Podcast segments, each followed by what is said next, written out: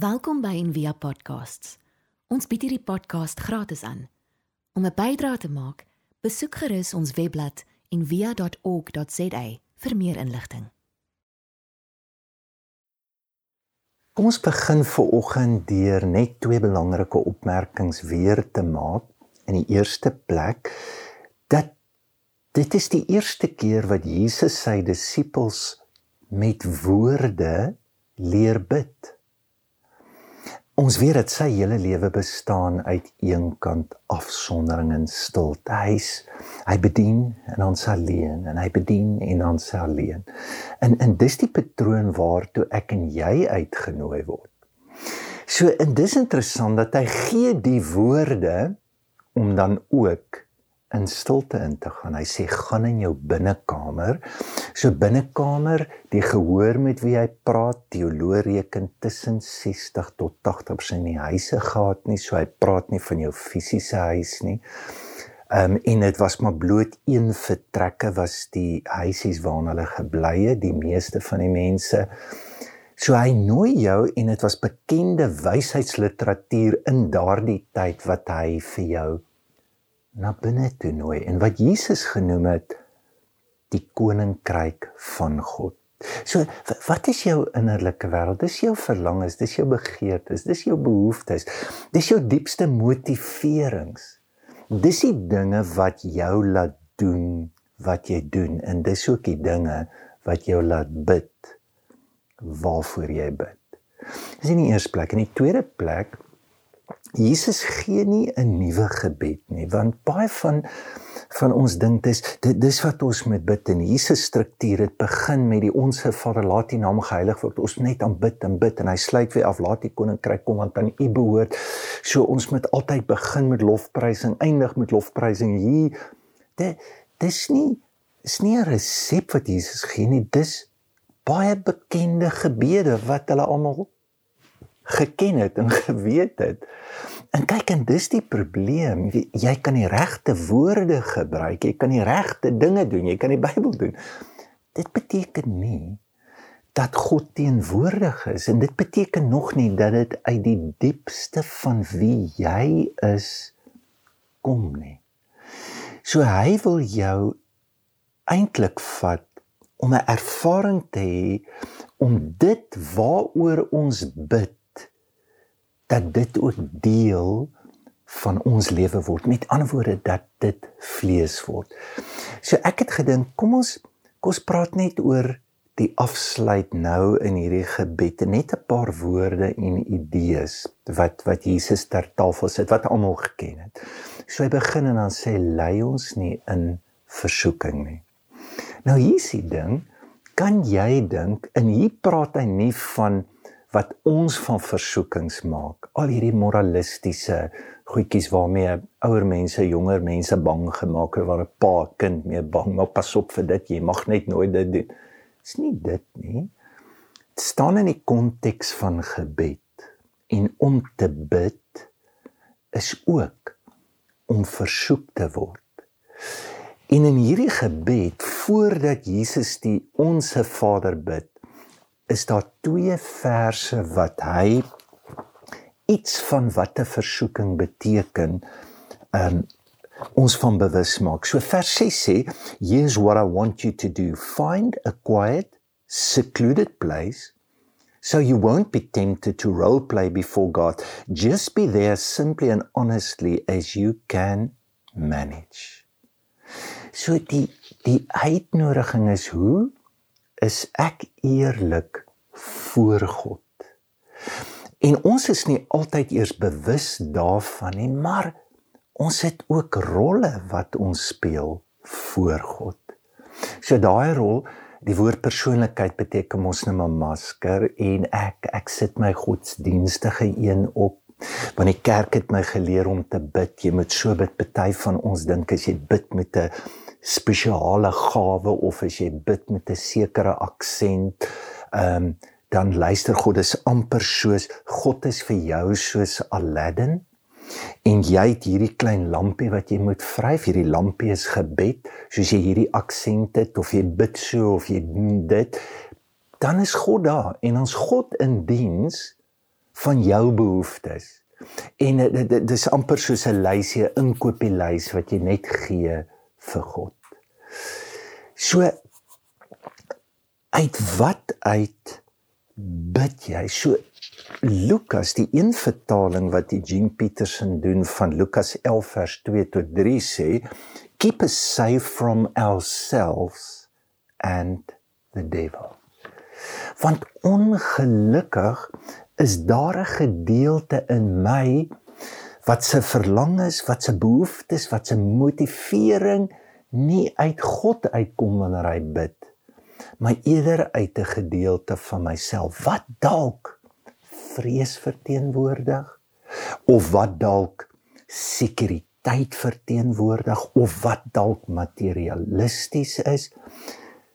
Dis nie altyd so maklik om te sien maar wat is dit wat my nou laat bid. Dis presies waar ons versoek word. Die tweede Brian McLaren sê dit verskriklik mooi want ons kan dit ook nie ontvlug nie nê. Ons ons is ook net mens en die landskap van ons hart het dit ook in. Maar Brian McLaren hy sê dit so mooi. Hy sê when we rename our anxieties of alles waarvoor ons bid in a sense we will distill them into requests. Die tweede versoeking waarvan Jesus praat is in vers 7 net voordat hy hierdie ons Vader leer. Hy sê The world is full of so-called warriors who are prayer ignorant. They are full of formulas, programs and advice, peddling techniques for getting what they want from God. Don't fall for that nonsense. So toe Jesus hierdie struktuurtjie gee of bekende gebede is nie 'n formule nie. Dis nie 'n nuwe manier hoe jy gebed kan maak werk nie. Ons kan nie deur gebed enige iets maak werk nie. Dit is uit God in God en die beweging van God in ons lewe wat hoegenaamd enige verskil bring. Dis ook nie omdat ons goed herhaal nie. Want baie keer is ons geloof in die gebed en eerder in die metodiek of hoe ons bid of wat ons moet bid. Ons moet eerder dit vir mekaar sê dat die Here antwoord baie keer gebede nie as gevolg van ons gebed maar baie keer ten spyte van ons gebed. So hier gaan dit hoe word dit waarvoor ek vra verdiep in 'n groot bewustheid van hoe God nou by my is. Dat die fokus eintlik skuif van van wat wat ek vra en hoe ek dit vra of hoe ek dit behoort te vra na die Here is met my en wat nou by my is is die grootste uitdrukking van liefde wat daar is.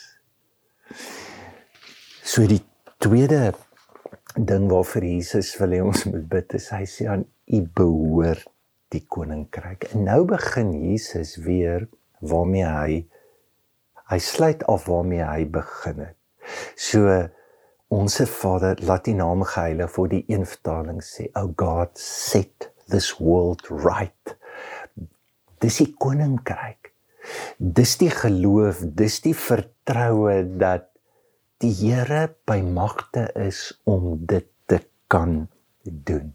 So daar's 'n groot verband tussen die koninkryk van God en jou gebed. Die koninkryk van God is nou doen God dit. Hy's die koning. Hy sorteer hierdie goed uit. Hy dra hierdie goed. En ek dink dis hoekom hierdie briljante vertaling van Jean Peterson the focus was shift from you to God. Dit is dis wat dit beteken aan u behoort. Nie een of ander lofuiting of al die psalms wat ek nou kan opnoem wat ons dink ons maak God groot of ons aanbid God nie. Is 'n diep skuif in jou. En daardie plek waarin jy beland noem die Bybel die plek van rus. die plek van wete, oortuiging. Soos iemand eendag sê ek weet dit dat ek dit weet dat ek dit weet dat ek dit weet dat ek dit weet dat ek dit weet. Iemand noem dit ook the grateful center.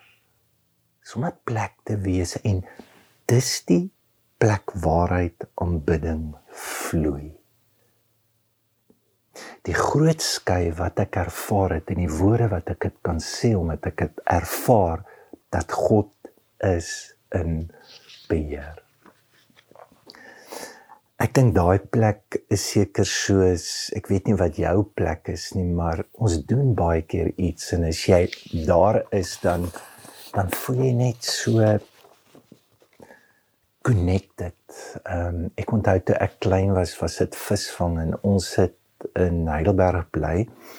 Reg oor kan die Blesboksprei, daar was net 'n rugbyveld tussen ons en die Blesboksprei en ek het ure en ure en ure veral op een klip net gesit en en ek onthou hoe my wêreld verander want ek was baie bang.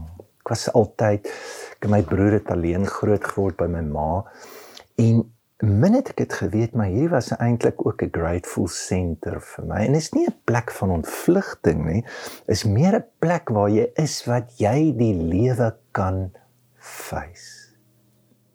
Is dit daai plek wat jy verskriklik maklik kan sê en aanbid Dis nie omdat jy bid omdat jy God se aandag probeer kry of omdat jy aanbid omdat jy reg aanbid of omdat jy aanbid omdat dit lekker is, so lekker liedjie om te sing. Dis omdat jy aanbid wat die diepste dankbaarheid en wete van dat God daar is uit jou binneste vloei. En ek dink dis hoekom die Here ook as jy Amos lees, Amos 5, ons sing dit baie keer by Envia, waar die Here sê asseblief verwyder julle liedere. Asseblief help sing, asseblief maak die band stil, asseblief dis nie wat ek soek nie. Want dit is nie gebore uit uit die diepste plek van dankbaarheid en liefde nie. En dan sê Jesus hierdie woorde tot in ewigheid. So gebed is presies wat gebed doen. Dit verbind ons aan die ewigheid. Bring 'n geweldige skuif in 'n verstaan want ons hele lewe word bepaal deur dit wat ons sien. Ongelukkig is die meeste van ons gebede dit. Ons gebede word gemotiveer deur dit wat ons hier sien. Die onrus in die hand, die vrees om siek te word. Die, dis alles uiterlike goed en dis hoekom Jesus sê maak hy deur toe. Moenie uit daai deur uit bid nie. As 'n ander plek wat jy kan sien, dis die ewigheid. So in hierdie gedeelte Jesus doen eintlik 'n ongelooflike dekonstruksie hier. Wat sou die ewigheid vir die Jood beteken? Jerusalem en alles wat hier buite is. So ek luister nou na hierdie psalms. Psalm 46 vers 1. God is in the midst of the city, it shall not be moved. Psalm 135:21 Loof sy die Here uit Sion, hy wat in Jerusalem woon. Halleluja. Psalm 87:3 Glorious things of thee are spoken, O city of God. Psalm 48:12 en 13 Walk about in Zion He will be your guide forever. So dit is 'n verstaan liturgiese gebede wat gebore is net na Dawid. Nou kyk almal het vir Dawid gewag. En almal het sê met die koninkryk gaan so lyk. En weet jy wat hier is dit in die tempel. Ons moet hierdie tempel mooi oppas. En al die liturgiese gebede het gesentreer rondom die hier en nou. En dit was herlewing. Dit was die renessans van die Jode en toe met met 'n Dawid se seun ehm um, Salomo die skrywe, die poesie, die oplewing, maar ook die geld, die vooruitgang, die mag wat presies die ondergang van Jerusalem was. So Walter Bruggeman, profeet in die Ou Testament, sou sê moenie breek met die Here nie. Hy sê kyk na hierdie gebede. Hierdie gebede is verpletter want niks is ewig in dit nie. So en ons is maar mens, ons gebede kristalliseer ook in 'n Jerusalem van materialisme, van geld, van vooruitgang, van sukses en van sekuriteit. Ewigheid is iets anders. En nou wil ek dan net dit sê. Jesus het geleer dat ons hier bid maak 'n verskil daarbo, wat daarbo gebeur maak 'n verskil wat hier onder. Daar's 'n geesteswêreld. Die Bybel leer dit vir ons. In Paul Tilike, teoloog, hy sê the globe itself lives and is upheld by the atlas arms through the prayers of those who love has not grown cold. The world live, lives by these uplifted arms and nothing else. En dan sluit hy af en hy sê net amen. So dit beteken nie soos die sonnaskool ouetjie vir die juffrou sê toe sy vra wat beteken amen so Roger over and out. Dis nie dit nie. Amen is ook nie hierdie enkor, enkor wat jy vir die Here hoef te gee of hierdie juigkrete wat ons baie keer in aanbidding kry. Dis nie, dis nie dit nie. Dit beteken net laat dit so wees. So laat dit so wees is nie my gebedsversoeke nie. Laat dit so wees is die teenwoordigheid. Die nabyheid. Die die skuif van dat God in beheer is en dat God doen dit dis uit dit wat ons amen sê. Ek weet ons hou van die woorde gebed vir ander sake maar dink ons moet dit net verstel. Dis God wat sake verander deur gebed mag jy ervaar hoe die Here jou verlos van jouself in gebed wat baie keer 'n klein wêreldjie kan word en 'n angstige wêreldjie en wat ons baie keer laat ophou bid. Ons kan net nie meer glo nie. Mag ons verlos word van daai self in daai plek waar hy ons bid. Mag dit die ware ek wees wat bid soos Jesus Loos gesê het. Mag ons ervaar ons aanbidding skuif nie om hom in beheer te kry nie, maar omdat hy in beheer is. Mag ons ervaar hoe die hemel oopskuif en ons aarde hier onderskuif en ook hoe die aarde hier geskei word en dit ook die hemel vir ons oopmaak. En wat jou ook al versoek is vir oggend mag dit wees laat dit so wees.